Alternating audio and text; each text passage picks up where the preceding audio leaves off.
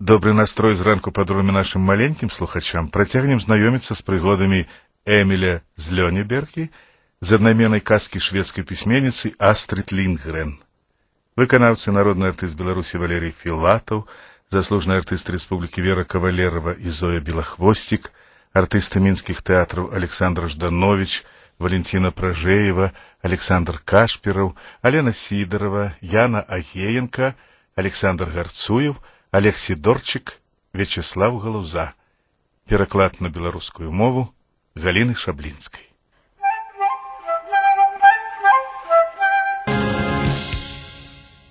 А пачалося ўсё. Відаць з таго, што Эміляў тата купіў у суседнім хутары вялікую свінню з парсючкамі.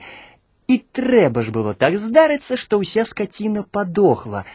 Застаўся толькі один одинюткі малюсенькі парсючок, ды і той напаўжывы. Усё на нашым хутары, як не ў людзей. Не, нават над скацінай навіс нейкі праклёп. Толькі зірніце на гэтага няшчаснага парсючка. Бедная, бедная кропелька, ён зусім слабенькі. А вы отдайте мне парсючка. Я его выхожу. Ну, ну, конечно, ты его выходишь. Только и чую от тебя, Эмиль, дайте мне, дайте мне. Кто б мне что дал? Бедненький, и он совсем посинел. Ничего уже тут не зробишь, Эмиль. Напэўна, ён слабее тому, что на ім вісіць праклён. Ва всякім разе гэта несправядліва бо парсючок не зрабіў нічога дрэннага. Бедны заморак. Хе, миленький ты наш. Хутка ты здохнеш. Ой, хутка. Так яно мусіць і здарылася б, каб Эміль аднойчы не ўзяў парсючка, не прынёс яго на кухню, не накрыў мяккай коўдры, не напаіў малачком з соскі, карацей не стаў бы яму роднай маці. Эй, ты, ты што гэта робіш? Хіба не видно? Кормлю парсючка. Ай, ну. Тата кажа, што яго праклялі, таму ён не хоча есці. Але я ўсё роўна яго ратую. Ну і ну. А ён за апошнія дні паглядзіце і сапраўды крыху акрыяў. Ой, гляньте, гляньте. А наш парсючок и сапраўды поржавел. По-моему, ён очуняе. Ён стал веселый и спрытный. так, так, ён на самой справе выздоравливая. Малайчина, Эмиль, малайчина. Ида, а парсючок такий славный. Ага. Ён целыми днями ходит за мной быццам шаню. Ён думае, што ты яго мама. Не, просто ён любіць, каб яму чухалі спину. А ніхто лепш, чым я не умею чухаць свіней.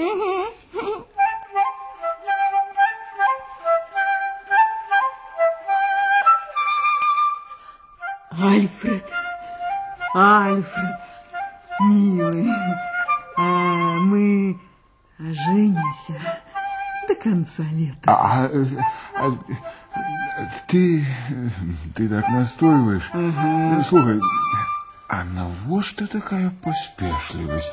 Видишь, тут трэба подумать. Думай худшей. Хутка лето скончится. Ай-яй.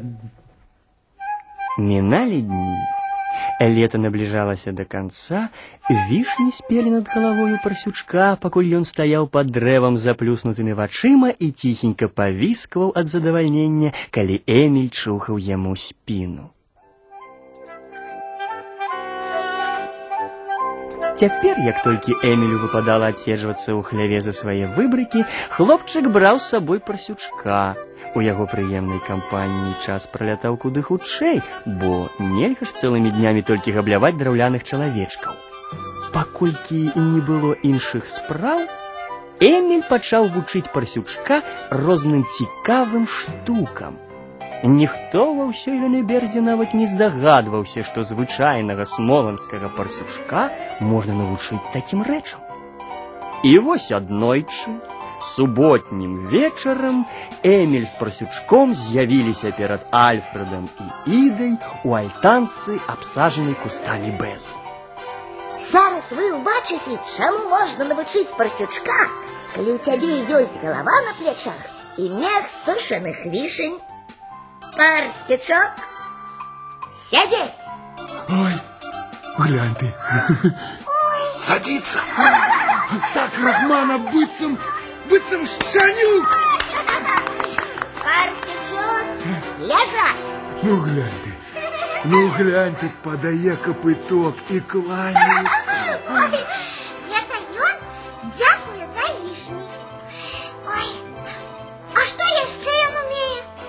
Парсючок, галоп! Ну гэта ж трэба. Ну, так і пусціўся вакол альтанкі. Ну гэта ж трэба, а? О, а цяпер падскоквае. Давай, Парсючок. Ты просто цуд.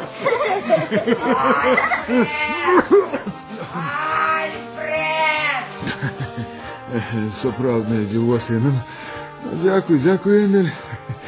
Павесяліў, а то мяне Ліна зусім дапякла са свае гэтай жаніцьбы. Іду, я іду. Во, другого такого парсючка не отшукаешь во всей Лёнеберзе. Тата! И... Тата! Тата! Ходи сюда. Что? Ты коли-небудь бачыў, каб парсючок умел скакать через вяроўку? Через вяроўку? Парсючку няма чаго скакаць через вяроўку. Яго справа стаць добрым кумпяком. А калі ён будзе скакаць, то зробіцца худы, як ганчак. Я гэтага не дапушчу. Парсючок павінны ператварыцца у кумпяк? Я пра гэта не думаў ні разу. А, ну вот што, парсючок, ты павінны быць худым як ганчак, інакш ты загінеш. Толькі гэта можа ўратаваць цябе не тое. Ой, ты не ведаеш майго татулю.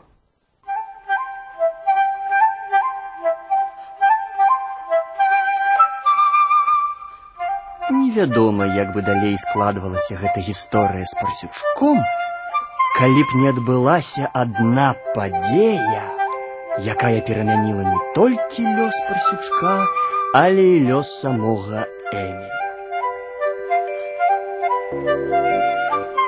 А пачалося ўсё з таго, што на хутар у госці прыехала фру Петрэль, каб пачаставацца мамінымі пірагамі з варэннем. Задовольнение глядеть на вашу господарку, Альма. Во ўсёй Ляне берзе няма господыни ровной вам.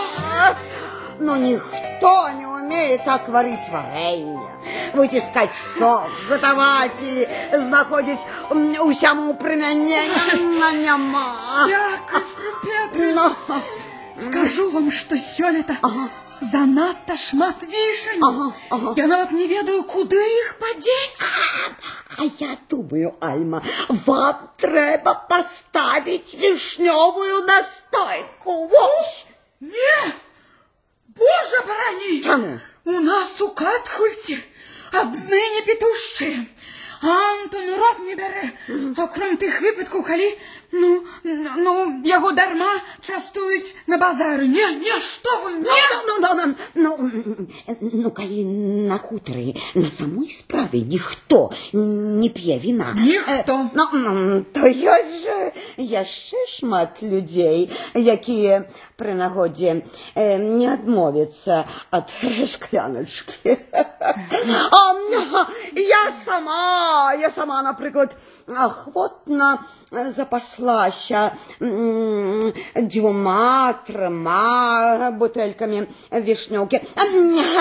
Не разумею, чаму б вам, Альма, не поставить у далеком кутку каморы чан з фішнымі. А калі настойка будзе готовая, я зноў прыеду катольда. Мне, мне цяжка вам адмовіць, ну, паколькі вы так просіце. Ах, я за ўсё добра заплачу. Не, справа не ў гэтым, просто... Ну, ну, Просто я не люблю, калі прадукты прападаюць.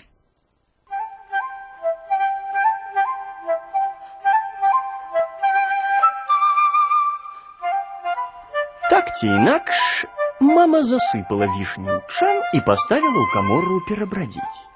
Праз некалькі тыдняў духмяная вішнёўка была гатова. Так, м, цяпер я пералью яе ў бутэлькі і пастаўлю зноў у камору. Пакуль за імі не прыедзе фру Петрэль. Ну, а самі вішні трэба высыпаць у вядро. Эміль! Эміль, вынесі вядро і закапай гэтыя вішні у яме для смецця. Добре, мама, мяне ж не трэба прасіць. М?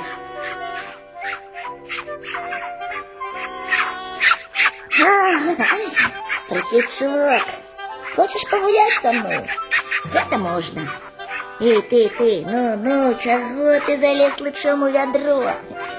Думаешь, я принес тебе гостинцу? Нет, гэтые вишни треба закопать у яму для смецця. На самой справе. Неяк дзіўна. У мамы ж нішто, я думаю, дарэмна не прападае. Ай, няхай лепш паласуецца прасючок. Ён так любіць вішні. И так старается, что выпацкаўся до самых ушей. На, на, прасучок, да ты чакай ты. Каб табе было зручнее, я их высыплю на траву. Вот так.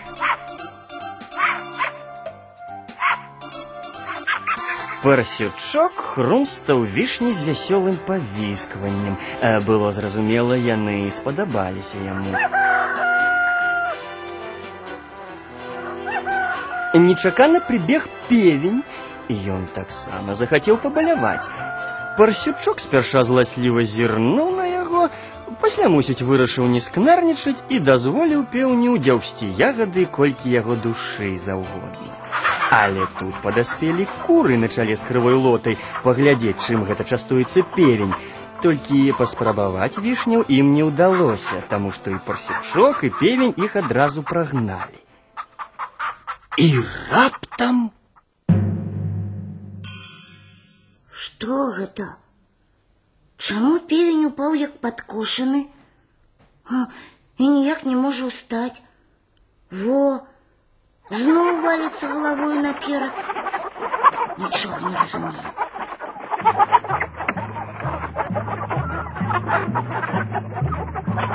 Куры збіліся ў кучу і стаялі непадалёку.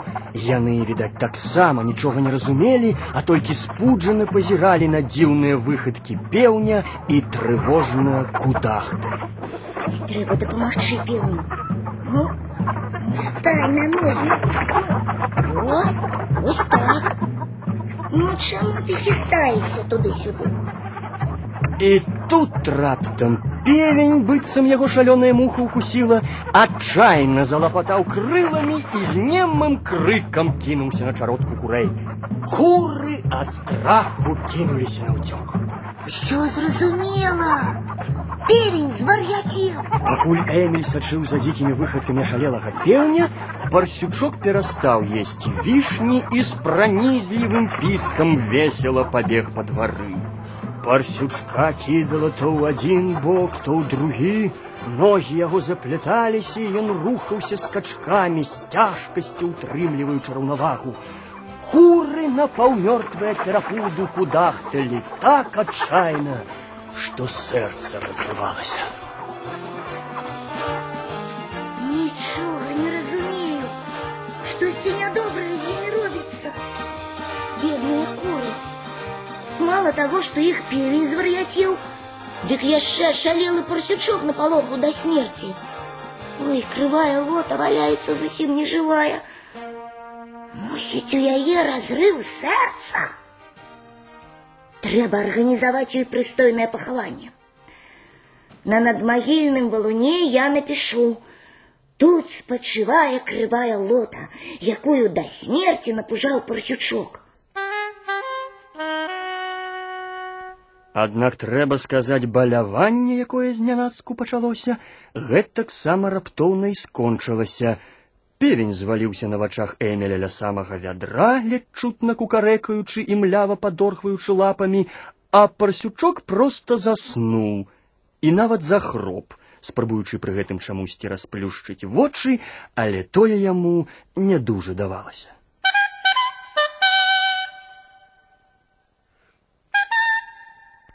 Так, так, так, так, дзіўна ўсё гэта. Хм. Вішні на выгляд такія апетытныя. Паспрабую адну. М, эх, даволі смачна, хаця смак нейкі не такі, як у звычайнай вішні. Ем яшчэ? Не разумею, як можна выкідваць такія смачныя вішні. Трэба зараз пайсці да мамы і расказаць ёй усё, што здарылася. Але ой, штосьці ногі не хочуць мяне слухацца. Такая лянота апанавала.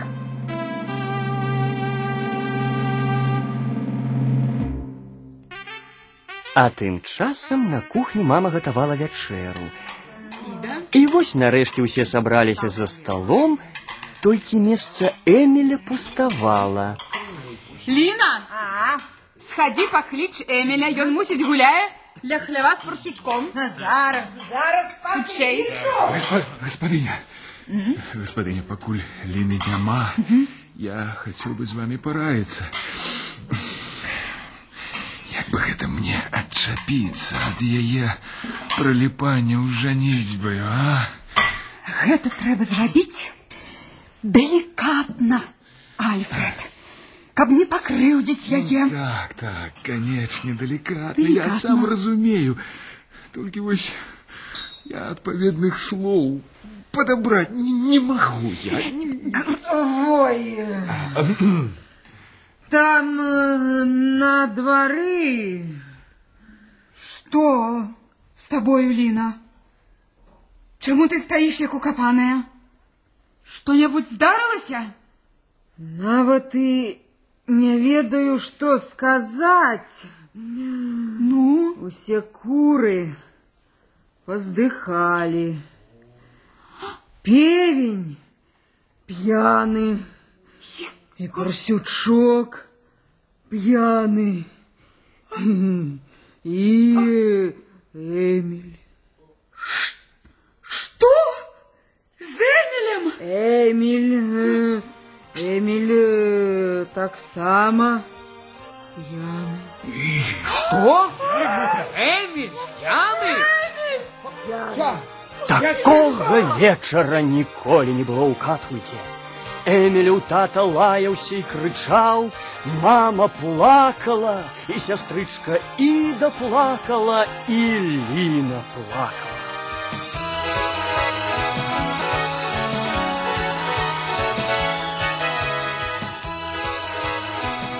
Толькі Альфред на дзіва не страціў розуму, і ён выбег з дому разам з усімі і пераканаўся, што Эміль на самой справе валяецца ў траве разам з парсючком.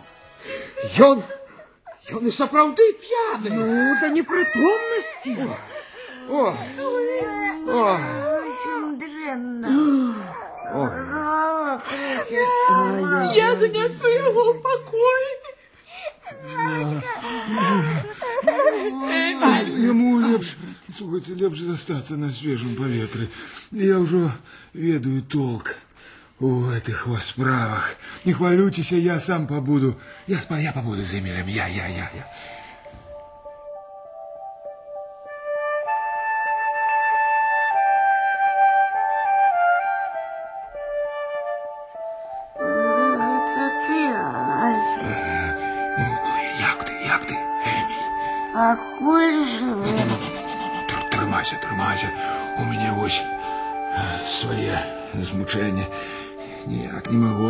отважиться поговорить с Линой и сказать ей, что, что совсем не хочу брать ее у жонки. Просто духу у меня не хапает. Такие я слабый человек. Я не разумею, Альфред. Ну чому со мной такое здарилось? Ай, справа ў тым, што калі вішні доўга бродзяць, атрымліваецца віно. А самі вішні набіраюцца віна, і ад іх таксама п'янееш, вось і ўсё. Альфред, калі я помру, забяры сабе мае кіпары і ружары. Ну, ты, ты не помреш, Эміль. Помру. Ну, што ты? І сапраўды Эміль не памёр. І парсючок не памёр, і певень, а самае дзіўнае тое, што і куры засталіся жывыя. У разгар усіх падзей маленькая Іда, глытаючы слёзы, зайшла ў хлеў і ўбачыла непрытомную крывую лоту.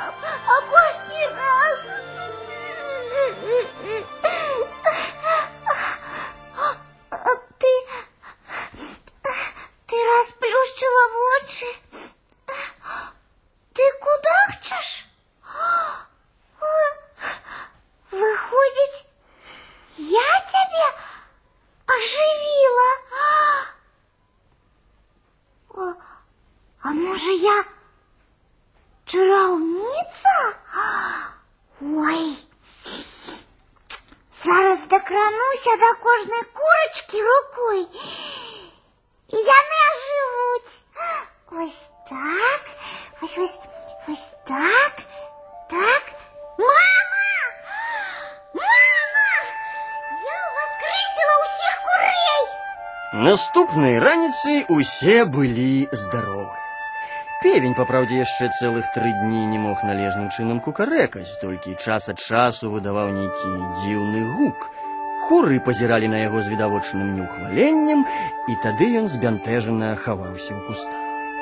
Эміль таксама не ведаў, куды падзецца ад сораму. Толькі парсючок адчуваў сябе як рыба ў вадзе. Эх ты, Эмиль, валяться пьяным разом с Парсючком. Ты не только напился, як свинья, але и разом со свиньей. У нас на хуторе два пьяницы, ты и Парсючок. Теперь все будут звать тебе пьяница. Ліна! Ліна, я давно збирався сказати тобі про одну реч. Ну, нарешті, милый Альфред, а я давно шукаю гэтага, і што ты мне хочаш сказаць? Треба бути делікатним. Слухай, я на конт женитьбы. Ну, мы тут с тобой размовляли. Ну, ты слухаешь меня? Ну, ну, ну. Так ось. Так. Плевать я хотел на эту женитьбу с высокого древа. Ах ты, бедненький ты мой, тебе плюнуть захотелось, да кулесь на высокое древо До зимы мы обовязково оженимся. Бачиш, Еміль, я мусить ніколи, ніколи не здолею відмовитися від этой Ліни. Нічого, ні ти не плач. Але на гэтым гісторыя з вішнямі не скончылася.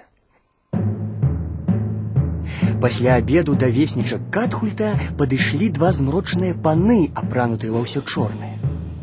Добрый день. Добрый день, добрый Мы з Лёнебежскага таварыства цвярозышча. Мэта нашага таварыства змагацца з п'янствам, паколькі яно страшэннае зло. А до нас дайшлі чуткі пра тое, што адбылося учора з вашым Эмілем. Так вось, э, добра было б, каб ён прыйшоў на пасяджэнне таварыства, а там яго на вачах усіх перавыхаваюць і прымусяць весці больш цвярозы лад жыцця. Прычым тут Эміль? Ва ўсім вінаватыя вішні. О, прабачце. Вішні, вішнямі. А што у Эміля рознае ў галаве, гэта ўсім вядома. Так. Добры прачуханец яму не пашкодзіць. Я згодны, я згодны. Хаця і не дуже прыемна, калі лаюць твайго сына. Але, магчыма, тое пойдзе Эмілю на карысць. Добра, добра, я сам з ім прыйду. Не, лепш я з ім прыйду. Я, асабіста я паставіла брадзіць гэтыя злашчасныя вішні. І няма чаго табе, Антон, пакутваць па маёй віне. Я гатова выслухаць пропаведь цвярозасці. Але, калі ўжо так хочаце, магу ўзяць і Эміля. Эміля апранулі ў нядзельны касцюм, ён насунуў свой кіпарык і разам з мамай яны адправіліся ў прызначанае месца. Парсючок паспрабаваў увязацца за імі, але Эміль скамандаваў яму ляжаць, і той адразу ж проста пасярэдзіне дарогі лёг і сцішыўся, хаця доўга яшчэ пазіраў услед Эмілю.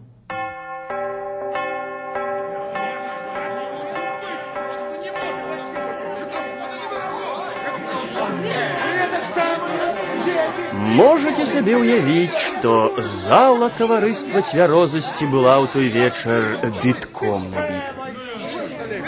Усе жыхары Лёнебергі хацелі прысутнічаць пры пераўтварэнні Эміля ў непітушча. Юный чалавек, які зазнае келіх зялёнага змея. Якага келіха не было. Тишай! Эмиль Свенсон, отказывай. Ты готовы дать зарок ніколі ў жыцці не браць у рот спиртного? А, а что? Это я могу. Але ў той самы момант за дзвярыма пранёсся нягучны віскат і ў залу ўбег парсючок. Ён, оказывается, усю дарогу ціхенька ішоў услед за гаспадаром і цяпер подскакам кінуўся да яго. Я ніколі яшчэ не наведывал. Это не адпавядае ўрачыстасці моманту. А парсючку таксама не пашкодзіць даць клятву цвярозасці. Так, так, бо ён з'еў больш п'яных вішень, чым я. Ну і чего? Парсючок, і Тишай, што ты панове, гойсаеш па зале? Гэта не адпавядае ўрачыстасці моманту. Сядзець, парсючок, сядзець. Верніце, парсючок яго слухае. Так, сел послухмяно быццам собака. Ну, идиот. Ну, так, э,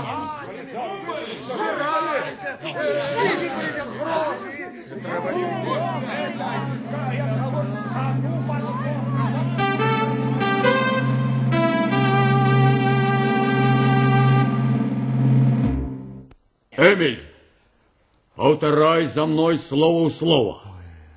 Я ўсё свое жыццё Я ўсё сваё жыццё буду устрымлівацца буду стрымлівацца ад моцных напояў ад моцных і напояў прыму ўсе меры і прыму ўсе меры для распаўсюджвання для цвярозасці распаўсюджвання цвярозасці сярод маіх суграмадзян. сярод маіх суграмадзян. О, малайчына! Ну вось, парсючок, і ты таксама пакляўся. Я такога ніколі не бачыў. Каб хто-небудзь даваў клятву разам са свіньёй. Але ж гэты хлопчык з хутара Катхуль заўсёды што-небудзь вытварыць.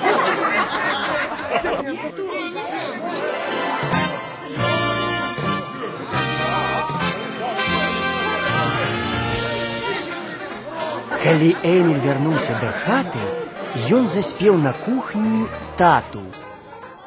Тата сядзеў ля стала, і на вачах у яго Эміль прыкмеціў слёзы. Послухай, Эміль.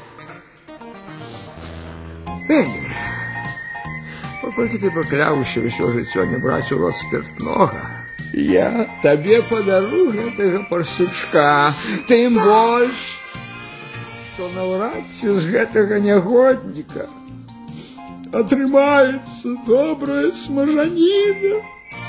Пасля ўсіх яго скачкоў і п'яных выбрыкаў. Эмілі так узрадваўся, што падскочыў амаль пад самую столь.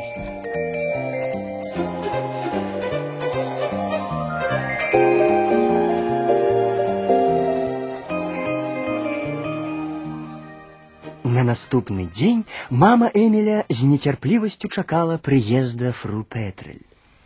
Добра, што гэтых бутэлек больш не будзе ў хаце. Ой, а што там за дзіўны грукат?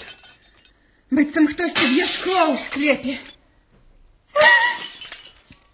Боже мой!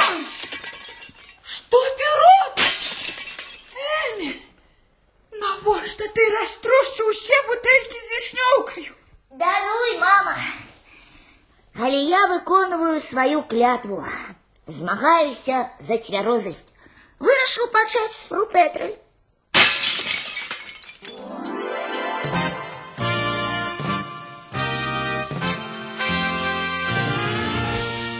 І варта сказаць, клятву сваю Эміль выканаў. Такога цвярозага і сумленнага старшыні вясковай управы, як Эміль, у Лёнебердзе яшчэ не было.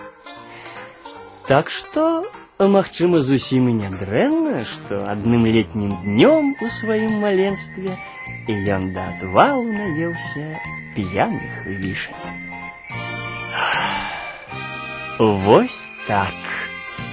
А з гэтага лёгка напрошваецца вывад, што з самых прапашчых хлопчыкаў могуць з часам атрымацца выдатныя людзі.